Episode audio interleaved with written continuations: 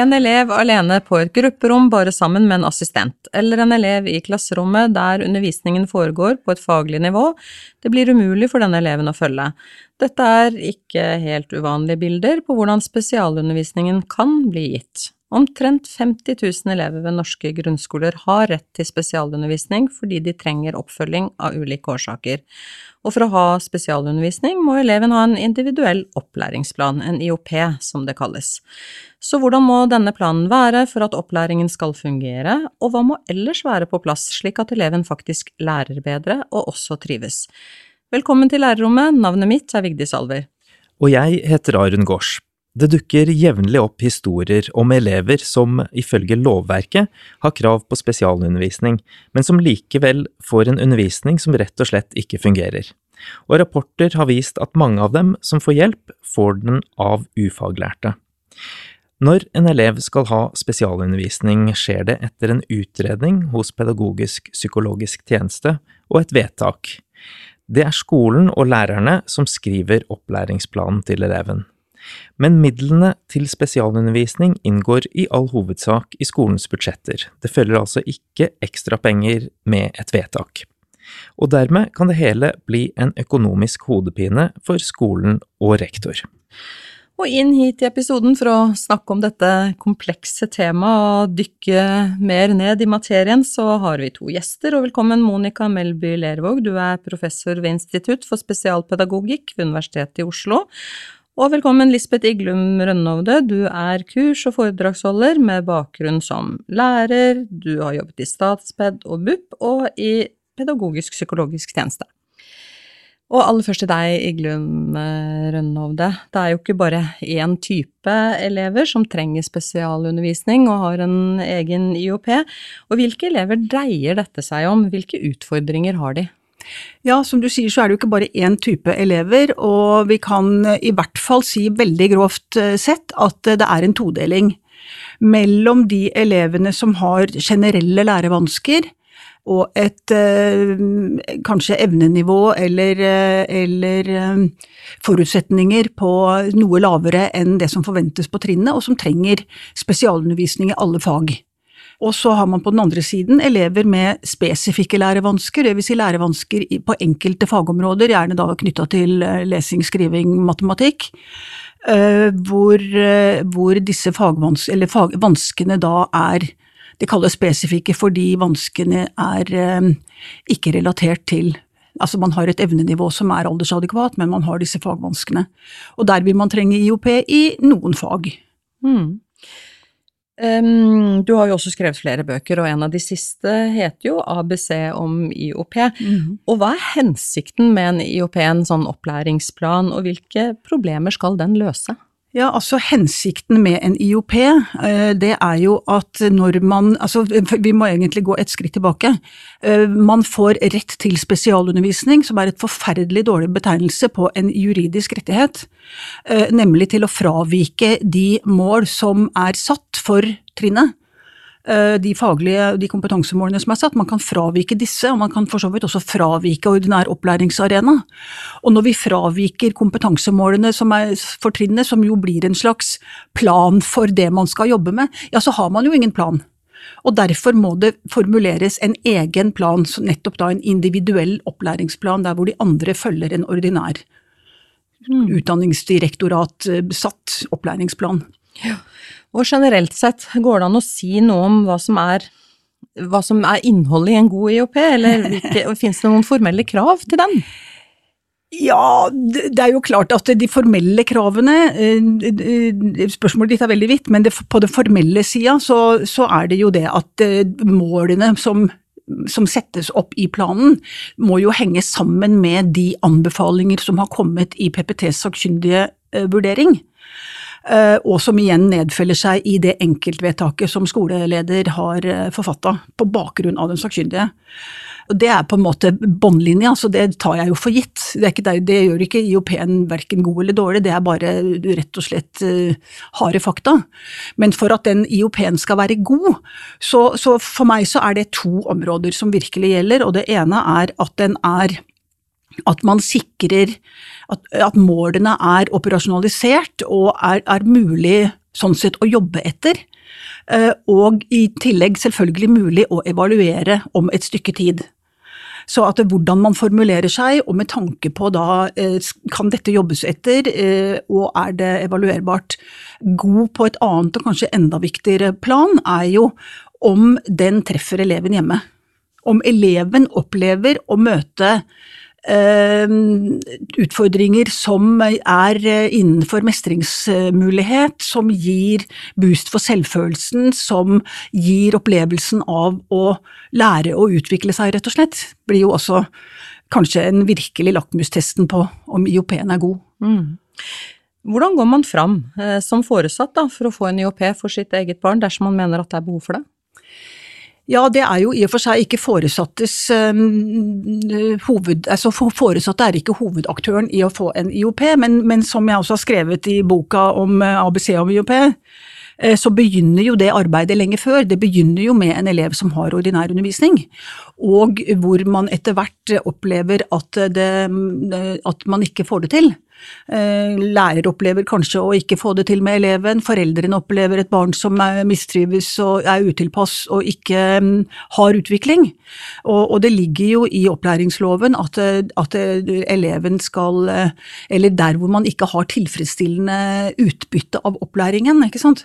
Eh, så når man etter hvert ser at det her er det noe som skurrer, så er første punkt at man setter inn de tiltak man har til rådighet innenfor ulike tilpasninger, men stadig vekk innenfor ordinær fagplan.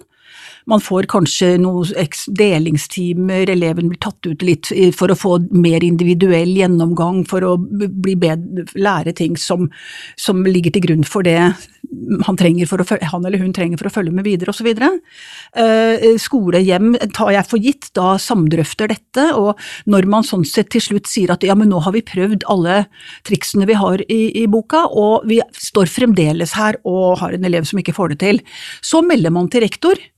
Eh, eller til skoleleder, eller til den som rektor har satt for å gjøre denne jobben, nemlig ofte en, en spesped-koordinator på skolen.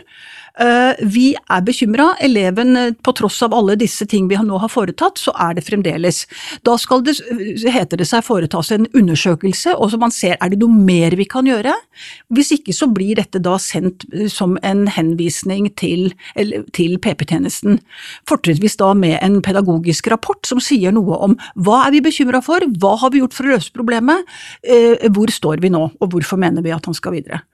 Og det heter seg jo også i eh, forskrifter, og jeg husker ikke akkurat hvor jeg har det fra, men at det skal ikke være mange, det bør, det bør være svært få henvisninger med spørsmål om spesialundervisning som ikke faktisk oppnår det, fordi skolen bør ha prøvd ut ting og vite noe om hvor man er i forhold til at det her trenger vi å gå kraftigere til verks. Melby Lervåg, eh, du har uttalt at Eh, altfor mange av dem som faktisk har fått en IOP, likevel ikke får den oppfølgingen som de har krav på. Hva, hva bygger du dette på, og, og hvilken manglende oppfølging dreier dette seg om? Det er blitt vist i flere undersøkelser, blant annet så har NRK uh, hatt en, en, del saker på det nå i våres, at mange av de som har enkeltvedtak, de får ikke den spesialundervisningen eh, som de har, eh, har eh, krav på. Og det er også blitt gjort undersøkelser, eller blitt klaget inn til statsforvalteren, hvor de da har gått gjennom spesialundervisning i ulike kommuner, og de avdekker vel egentlig lovbrudd i, i ca. 87% av kommunene. Sånn at det er ganske mange ulike rapporter og og eh, empiri som peker i den retning, da. Ja, du nevnte jo dette her med uh, artikler som NRK har, uh, mm. har hatt tidligere. og uh, I november 2022 så sendte NRK en spørreundersøkelse til rektorer ved alle landets grunnskoler, og temaet var nettopp spesialundervisning. den viste at over én million skoletimer til de elevene med størst faglige utfordringer ble sporløst borte i løpet av et skoleår. Hvorfor tillater vi at disse lovbruddene skjer overfor de elevene som kanskje trenger undervisningen aller mest? Mm. Det har jeg egentlig ikke et klart uh, svar på. Jeg syns uh, jo det er utrolig trist, fordi elever med med, med, læringsutfordringer er en av de mest utsatte gruppene i skolen, både når det gjelder diskriminering og marginalisering. Det er nok flere grunner til at de timene bortfaller, men, men, jeg tenker jo at det er jo også skoler som får det her til, og som, som greier det uten å ha lovbrudd, så det betyr jo at det da må være mulig å, å få det til, og jeg, jeg syns det er utrolig trist at, at ikke det, at ikke det blir gitt i henhold til de anbefalingene som PP-tjenesten gir, og enkeltvedtaket. Du har jo også noe å meddele her. Ja, eh, jeg, jeg så også de tallene, og én million timer, det er jo helt voldsomt. Og spontant tenker jeg at det, som, som, også blir sagt her, at det er jo mange grunner til det. Men denne undersøkelsen ble foretatt i 2022, så jeg tenkte jo at det tallet sa noe om hvordan timer falt bort under covid.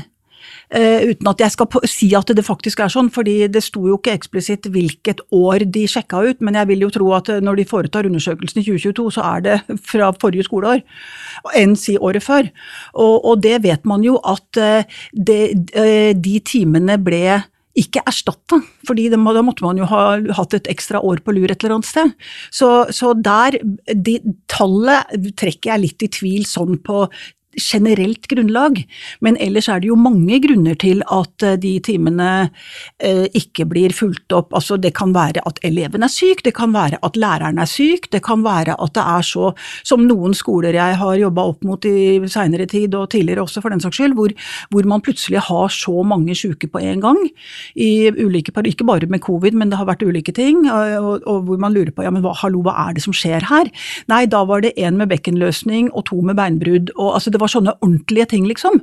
Ikke bare arbeidsmiljørelatert, som jeg i utgangspunktet trodde og hvor man da var nødt til, skulle man få driften på, til å fungere på sparebluss, så måtte man øh, sette én lærer på hver klasse, og da forsvinner jo Da må disse elevene inn igjen i klasse. Og det er ikke noen heldig situasjon.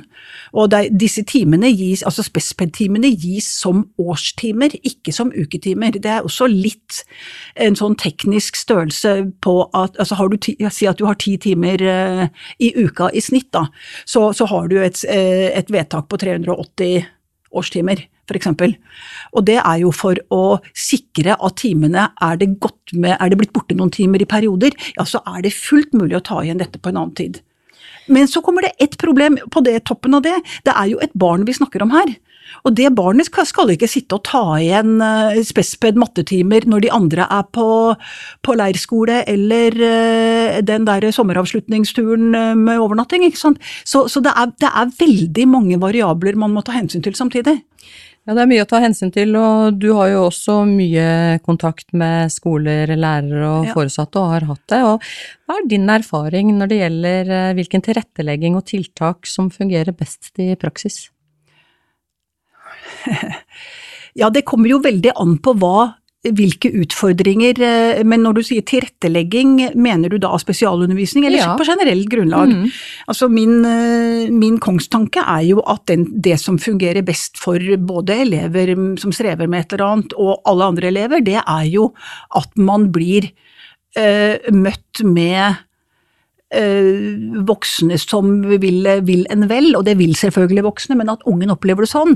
At man, at man designer øh, For en del øh, barn så er det nødvendig at det er en plan bak hvordan man eh, lager opplegget slik at ungen veldig raskt opplever mestring. At man, at man får de eh, viktige mestringsopplevelsene som Skålevik og Skålevik i sin tid snakka om ville føre til mestringserfaringer, som igjen gjør at du blir en som våger deg på nye ting gradvis, ikke sant? Ja, det er nemlig ja. det, for det dreier seg jo ikke bare om, eh, om læringsmålene, det dreier seg jo også om elevenes lærelyst og motivasjon. Og, og blir den ivaretatt, eller blir den mer sårbar, tenker du, gjennom et vedtak, eller hvordan kan dette sikres i en, eh, en plan som en IOP?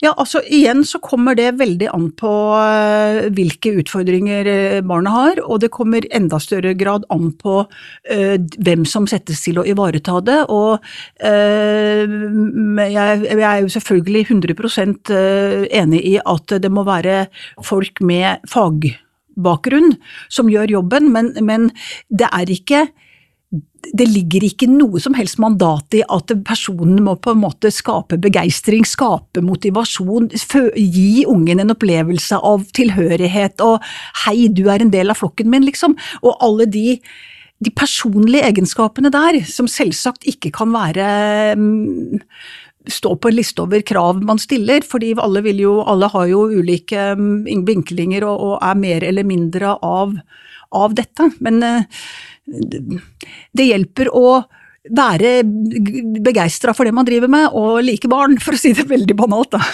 Like barn og elever. ja. Men så er det jo slik da at foresatte som opplever at eget barn henger etter i undervisningen, de kan også oppleve at bekymringen enten ikke blir tatt tak i, eller at spesialundervisningen ikke blir gitt, eller at den ikke fungerer eh, bra nok, selv om det er gjort et eh, vedtak. Og hva, hva kan det gjøre, har du noen råd til foresatte her, hvilke rettigheter fins inn i det? Ja, altså, Hvis man har fått jo, et vedtak, men det ikke fungerer? De må jo først og fremst altså jeg, Der jeg kommer fra, eller i mine mange mange år i PP-tjenesten, så, så, var det jo en selvfølge for oss i, det, i min PP-tjeneste å følge opp de sakene hvor det var eh, anbefalt spesialundervisning. De ble jo ikke avslutta. Det, det, var jo når, når enkeltvedtaket forelå, så, eller når, når den sakkyndige vurderingen forelå fra PPT, så var jo ikke det et punktum satt, det var jo mer et kolon som var satt. Altså da, da, begynte jo jobben med å utforme dette i praksis.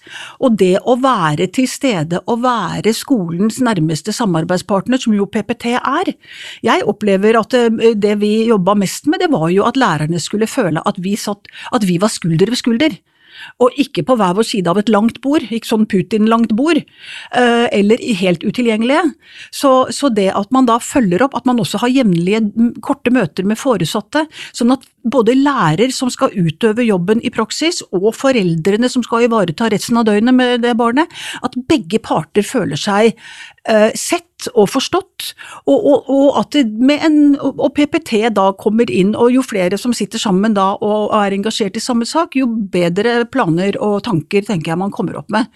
Og, dette, dette tok ikke mer tid enn Altså, vi, vi, gjorde alle de andre jobbene våre også, men, men det, det, var det at det blei rutine på sånne ikke altfor lange møter, og når man hadde de med jevne mellomrom, ja, så, så, tar man problemer før de blir store problemer, så derfor så løste vi kanskje en del ting før det blei så svært at det ville ta mye tid å komme videre med det, og i tillegg at både lærere og foreldre var kjempefrustrerte.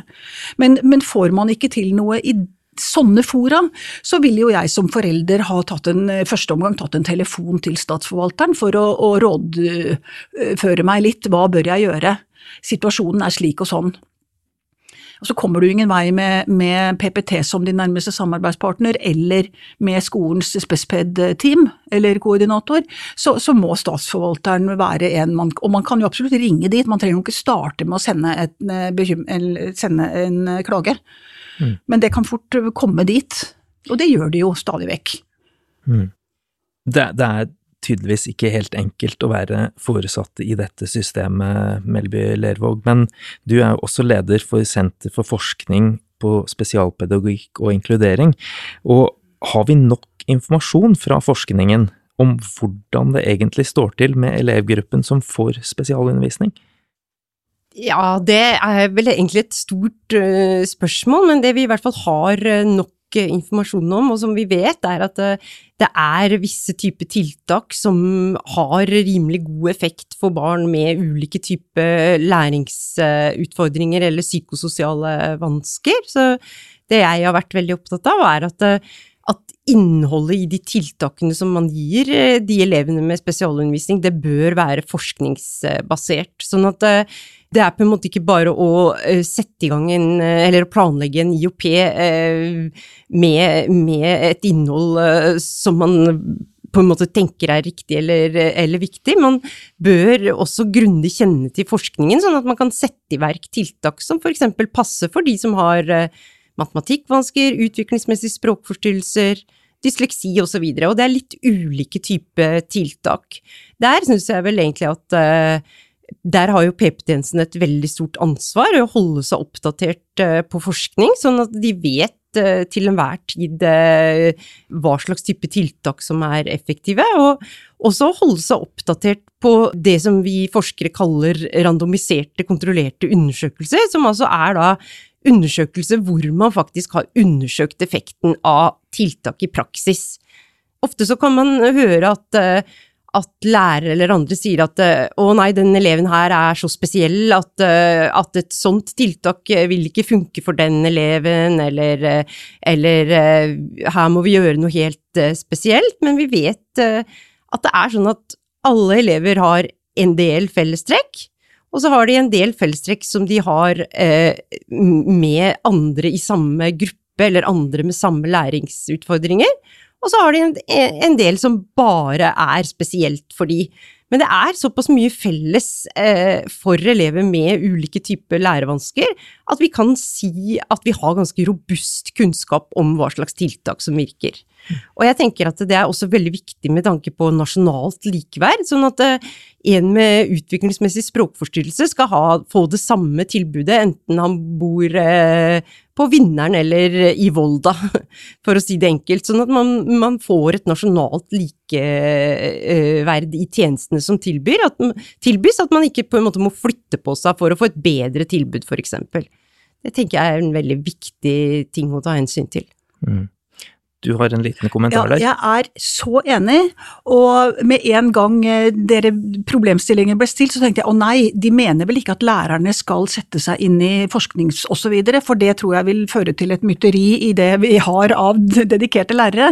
Men at PPT sitter som den nærmeste samarbeidspartneren med skolen, og det er jo nettopp der den eh, behovet for at PPT er med i det videre arbeidet og er en støttefunksjon og er den som lærerne opplever gir ryggdekning. For det er klart at når disse tiltakene kommer ut i klasserommet eller på tur i skogen for den saks skyld, så er det jo eh, Da ser vi ikke nødvendigvis eh, randomiserte forskningsstudier, men vi, men, men vi har solid bakgrunn for egne meninger på at dette er Her får vi ivaretatt begrepsopplæring slik og sånn, her får vi ivaretatt den tryggheten, den relasjonsbygginga og alt dette som forskning viser er viktige fundamenter for videre læring, da. Og at man har også kartlagt grundig hva som er bakgrunnen for at eleven strever i ulike fag, der hvor det er, eller uansett hva det er.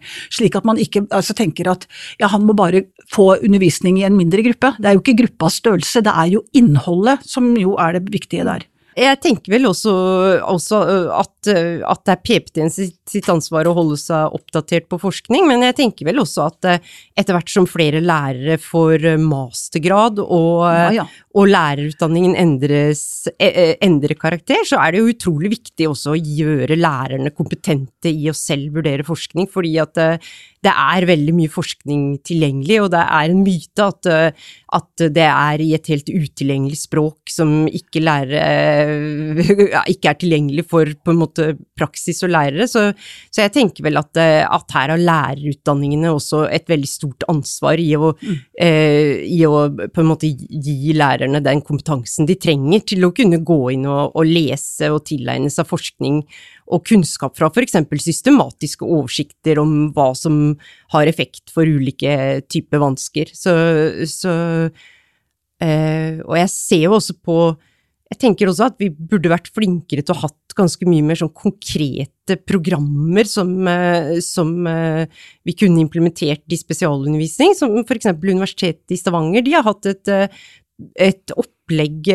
veldig konkret som sier egentlig ganske sånn detaljert hva man skal gjøre, som kalles for På sporet, som er for de som blir hengende etter eller strever med lesing i første og andre klasse. Og det, det programmet sier akkurat hva man skal gjøre, og det beskriver alle øktene sammen med eleven. Og selv om man ikke, ikke kan, eh, kan uh, vite Eller også selvsagt må alltid tilpasse det til den enkelte elev, så er et sånne type programmer et veldig fint utgangspunkt for en individuell opplæringsplan, eksempel. Mm. Jeg er kanskje mer skeptisk til å bruke forskning veldig sånn bare som et sånn bakteppe, at, eh, at, eh, at nå, ja, her bader vi barn i språk, så nå må barnet på en måte bli bedre språklig. Jeg tenker at man må bruke forskning veldig konkret, og, og, som på en måte en guide direkte inn i hva man eh, skal gjøre. Det er da god forskning fungerer på sitt eh, beste, ikke bare som en sånn, ikke bare som en sånn retningslinje eller en begrunnelse for det vi har, gjør og kanskje ville gjort uansett, men at vi ser helt konkret hva kan forskningen hjelpe oss med, og hva, hvilke programmer, opp opplegg eksisterer eh, for den og den vansken. Og så må man selvsagt alltid tilpasse det til den konteksten man er i og den eleven man har med å gjøre. Det, det, har jo vært ganske stor enighet i Norge, har jeg inntrykk av, om at spesialundervisning helst bør foregå i klassen, men, men hva sier forskningen om hvordan denne undervisningen bør tilrettelegges? Det meste av forskningen eh, er vel egentlig gjort, eh, gjort små, eh, på undervisning i små grupper men det er jo ingenting i veien for at de små gruppene ikke kan være i, i klasserommet, da. Men, men, det vi vet er at små grupper har bedre effekt enn det å, å bare sitte inne i klasserommet. Og da mener jeg bedre effekt på læring. Og dessuten så er det jo eh, gjort undersøkelser av effekten av spesialundervisning som ikke viser at elever med, med spesialundervisning i norsk skole kommer dårligere ut på, på psykososiale forhold eller, eller mobbing eksempel, enn andre elever med tilsvarende vansker, og det er en veldig viktig sammenligning, for ganske mange ganger så har man sett på elever med spesialundervisning, og så har man sagt at å, de, de blir mobba, de fungerer dårlig psykososialt, de har uh, de og de uh, psykososiale vanskene, men så har man da sammenligna med, med, resten av elevgruppen, og det blir jo ikke en gyldig eller fair sammenligning, man må sammenligne med andre elever som har læringsutfordringer, men som da ikke er tatt ut av, av klasserommet. Og når man gjør det, eh, så, så, viser det at de elevene med spesialundervisning kommer ganske likt ut som, eh, som de andre. Eh, så det, det, er ikke gitt at det alltid er sånn at, at det er absolutt best å ha alt i klasserommet, da. Ja, samarbeidet med PP-tjenesten både før og underveis er noe du er opptatt av, du har allerede snakket om det, Iglum Rønnøvde, og det er jo en veldig viktig brikke. Og selv om ingen fra PP-tjenesten er med i denne episoden, så vil jeg gjerne høre litt mer med deg, fordi spesialpedagogiske team ved skolene er jo ikke noe alle skoler har. Ehm, men hva, hva vil du likevel liksom tenke? At samarbeidet bør være eh, mellom skolen og, og PP-tjenesten etter at den sakkyndige rapporten er eh, skrevet? Ja, altså Det er jo ikke mer enn fire år siden jeg slutta mm. i PPT etter å ha jobba der i nesten 20 år, så jeg har jo sånn sett solid bakgrunn for uh, egne meninger. Uh, jeg vil jo tro at alle skoler har en eller annen ressurs, altså en spesped-ressurs som er sånn sett som de andre lærerne kan få veiledning eller lene seg til. Eh, som jo sånn sett, Det er jo ikke rektor alene som sitter og er ansvarlig for spesialundervisning. Det vil nok stort sett være i hvert fall én, om ikke da et team. Uh, ideelt sett så, så syns jo jeg at det å ha et ressursteam knytta da til spes, men ikke bare, spesial, ikke bare elever med spesial, elever med ulike behov. Uh, det er ikke alle av de som skal ha spesialundervisning men de skal kanskje ha noen særlige tilpasninger som eh, den ene læreren alene ikke nødvendigvis klarer å ta ut av sitt eh, kreative hode, men hvor flere kommer sammen og drøfter osv., og, så videre, og har ulike erfaringer å bringe til torgs.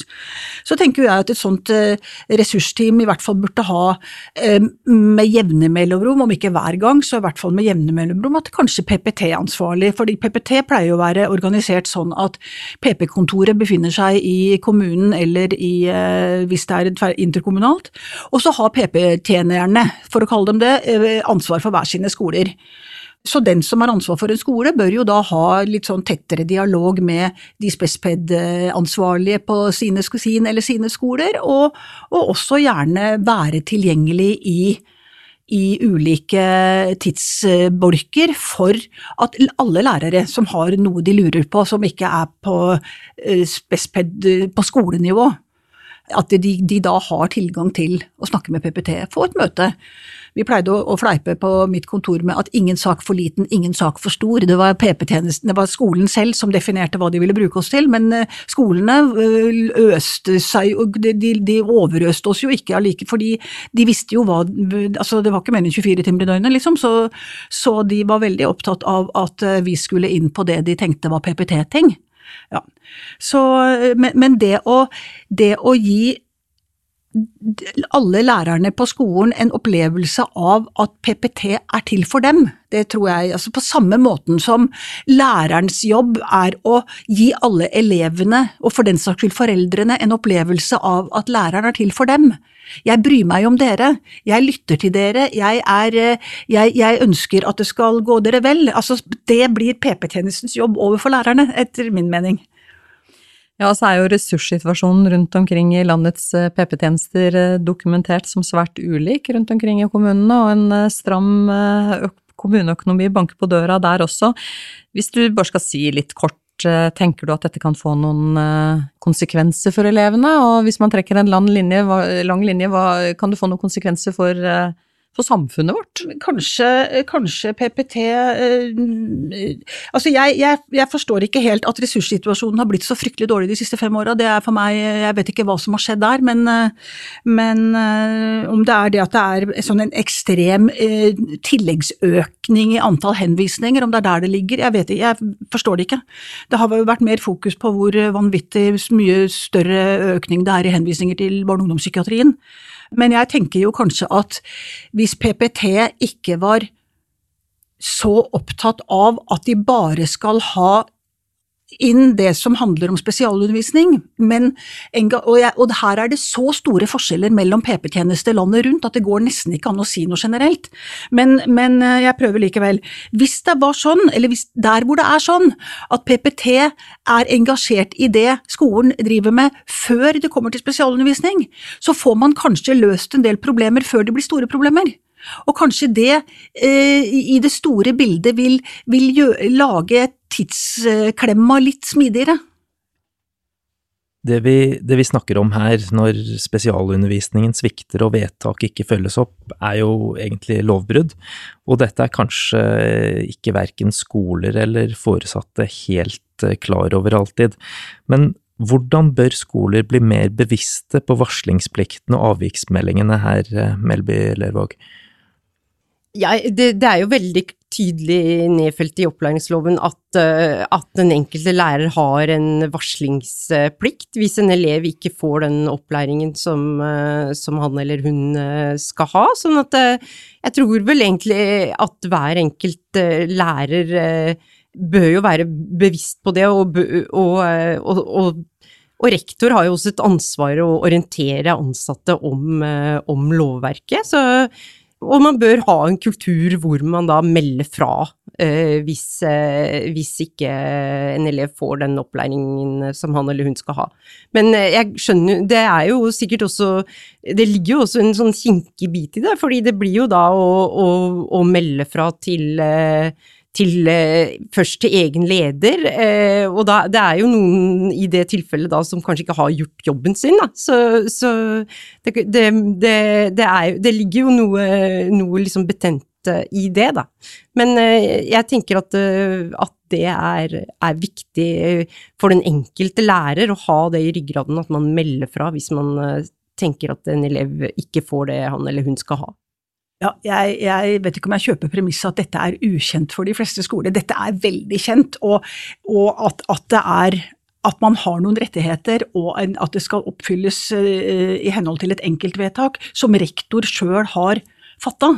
Så det er klart at, at Og en ting er den enkelte lærer som må gi beskjed hvis man opplever at det er store avvik, og det Læreren vil vel ikke, vil vel ikke oppleve det som noen, noen ønskesituasjon å sitte med dette vite og oppleve det som sitt eget ansvar. Så jeg tror jo at lærere vil gå til sine nærmeste overordna hvis de føler tillit og trygghet der.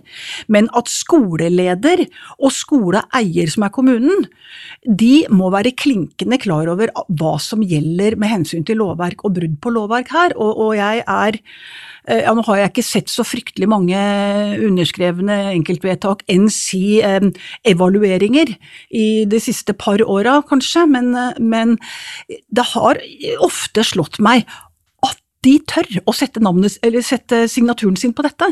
For her, her signerer de på lovbruddene, liksom. Mm. Ja.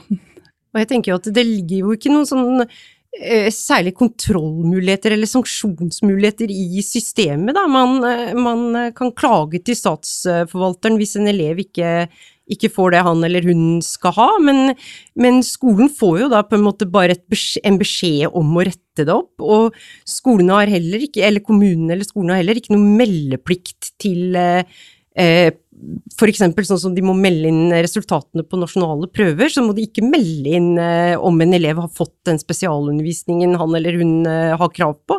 Sånn at det, er et veldig lite transparent eh, system, og det er også veldig lite det er, det er veldig få sanksjonsmuligheter i det, da. Men en ting som er viktig når det gjelder de der, fordi jeg har også hørt en ja, men hva er vitsen med å, å klage til statsforvalteren, det skjer ingenting likevel, og tidvis får man heller mm. ikke medhold. Jo, det viktige da, det er jo at hvert Altså, det genereres jo klager. Mm. Sånn at, og det vet jo ikke du som da en, en, forelder som klager, eller en forelder og en lærer som sammen sender en bekymring, hvis det er det man gjør. Eh, du tenker at det skjer ikke noe i ditt tilfelle, men hvis det er den 14 meldinga på samme skoleleder, så begynner det jo å bli interessant for statsforvalteren, i hvert fall. Mm. Ja. Absolutt. Altså, skolen får jo ofte ikke ekstra ressurser dersom det er elever som trenger noe ekstra, um, som vi, som vi snakka om i stad. Men uh, det meldes også stadig om mer skrantende skolebudsjetter fra flere hold. Er, er, det manglende økonomiske ressurser som er hovedårsaken til at systemet ofte ikke greier å fungere til beste for elevene det her gjelder? Eh, det syns jeg er litt vanskelig å svare på. Det er i hvert fall ikke noe jeg har, eh, har, forsket eh, på, og jeg tenker vel egentlig at det antagelig er sammensatte årsaker til, til det. Men det er klart at ressurser spiller en, en, viktig rolle her. Men samtidig så er det jo som sagt sånn at det er kommuner som får det til, og som gjør det her uten, uten lovbrudd. Og, så det betyr jo at det er jo ikke umulig å, å få det til. Men det er vel eh, en eh, det er vel snakk om da på en måte både ressurser, men også kompetanse, at den må, må være der, og, og, eh, sånn at man på en måte kan, kan gi de elevene det tilbudet som, de, som anbefales fra, fra PP-tjenesten. Og midt i det her så står jo eleven som faktisk eh, trenger mer hjelp, og, eh, og Iglum Rønnovde, hva, hva tenker du om alt dette? Hvem har egentlig ansvar for at det skal fungere bedre? I, altså, jo, altså, bare til, en liten replikk til det Monica sier. Hun, det, det, det, ordet med strek under der, det er kommunen. Mm. Kommunene. Mm. Fordi når du snakker om økonomien, så er jo det på kommunenivå. Og det er klart at det da Det er jo så ulike størrelser. Men, men alle sko, altså skolene har jo et rammetimetall som er basert på antall elever, og også hvilke utfordringer, eh, definerte utfordringer som måtte ligge der. Mm, og at noen får det til og andre ikke, det kommer jo litt an på eh, om det er en kommune som da har råd til å tilsette en del sånne andre eksterne tjenester som ikke ikke ligger lovpålagt f.eks. en ekstra miljøarbeider her og en ekstra lekegeneral på SFO altså hva vet jeg. Eh, men eh, Og så har man jo eh, at det vil jo også komme an på hvilke Altså lærerstaben, hvordan samarbeider de, hvor flinke er de til å få det til i større eller mindre grupper. Og det er liksom så mange enkeltfaktorer som spiller inn, som blir forskjellige landet rundt. Personlig skulle jeg ønska at skoleøkonomien var på statlig nivå sånn at det ble et felles eh, system på den biten, da, men det er nå en annen historie.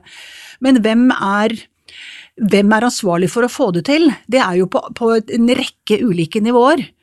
Eh, når jeg holder foredrag for foreldre til barn eh, og unge med ulike utfordringer, så pleier jeg jo også å si til dem at heimen er ikke ansvarlig for opplæringa i skolen. Og lekser, i den grad vi stadig driver med det, det skal ikke være opplæring, det skal i beste fall være repetisjon.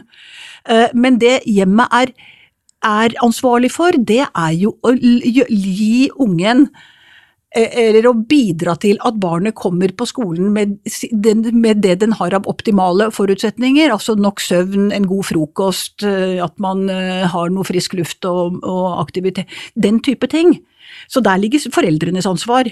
Eh, når du kommer inn i skolen, ja, så er det jo selvfølgelig de som omgir barnet som har ansvaret for at dette går bra. Det blir jo den konkrete læreren som skal ivareta eh, undervisningen i, i, altså i ulike fag, da, for de har jo sikkert flere lærere. Så blir det jo på ledelsesnivå og å um, sørge for at f.eks. spesialundervisning og, og sånne støttetimer ikke blir en salderingspost som gjør at, uh, at man fyller opp lærernes uh, ukeplan med noen, noen spespetimer her og der, sånn at den enkelte elev sitter med mer enn to. Men jeg har jo vært borti saker hvor elever har sju ulike spesped-lærere, fordi det var, det, det var sånn man fikk det til å gå opp timeplanmessig. Så det er jo et ansvar på ulike nivåer. Så, jo, så, mener jeg jo, som jeg også har sagt flere ganger, at PPT har jo et ansvar for å bidra inn og støtte de ulike aktørene i skolen. Så det er liksom en Det er et slags byggesett hvor alle brikkene egentlig må, må, må komme sammen. Og det rakner nesten uansett hvilken brikke du fjerner. Ja på, på, litt overordnet plan med dette her med ansvar, eh, så har det jo vært forhåpninger til den nye opplæringsloven, eh, også på dette feltet. Og i forkant av at ny lov ble vedtatt, så advarte du Melby Lervåg og viste til at rettighetene til barn med lærevansker faktisk kan bli svekket med ny lov. Er dette en frykt du fortsatt har, eller synes du den nye loven er oppklarende i forhold til IOP-er og spesialundervisning? Eh, det vi vel var eh, spesielt opptatt av, det var jo det at, eh, at sånn som det er nå, så, så har en Har Utdanningsdirektoratet faktisk åpnet opp for en klagerett på om enkeltvedtaket blir gjennomført som det skal. Det står ikke noe i dagens opplæringslov om det, men, men man har på en måte åpnet opp for det og, og, og gjort det til en, en, vanlig praksis. Det kunne man ha lovfesta i ny opplæringslov, men det valgte man å Det ligger ikke inne i forslaget, da. Og jeg syns jo det er veldig uheldig. Det, det burde, eh, burde, lovfestes, og jeg håper at det blir endra når den eh, loven eh, nå skal vedtas eh, før, eh, før, sommeren. Så den bekymringen har jeg helt klart eh, fortsatt. Det var også noen andre, også noen andre punkter som, eh, som jeg syns eh, var bekymringsfulle, men det der var absolutt det, det viktigste punktet, syns jeg.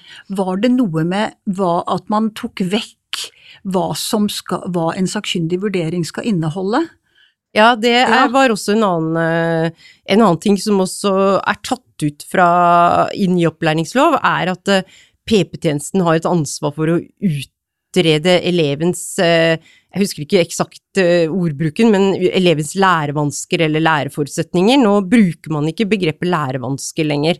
Eh, så mm, man har en mer sånn generell formulering om at PP-tjenesten er ansvaret for å utrede hvordan eleven fungerer eller lignende. Så, og, og jeg syns jo også det er litt uheldig at man har tatt bort det, fordi at det er jo sånn at eh, elever kommer til skolen med ulike bakgrunner og ulike forutsetninger, og noen, noen har på en måte vansker som er genetisk og, og medfødte, og da, da, hjelper det ikke å bare kartlegge systemet rundt eh, barnet, da må man også på en måte se på hva er elevens muligheter og begrensninger inn i det her? Og vi vet jo mm. det at uh, veldig mange av de store, ganske alvorlige lærevanskene er jo genetisk betinga, sånn at, uh, at, det er jo på en måte ting som uansett hvor god IOP vi har, eller hvor uh, mye spesialundervisning eleven får, så vil ikke det være ting som, som kan fikses eller, eller repareres. En, på et punkt så vil en del av det her også gå på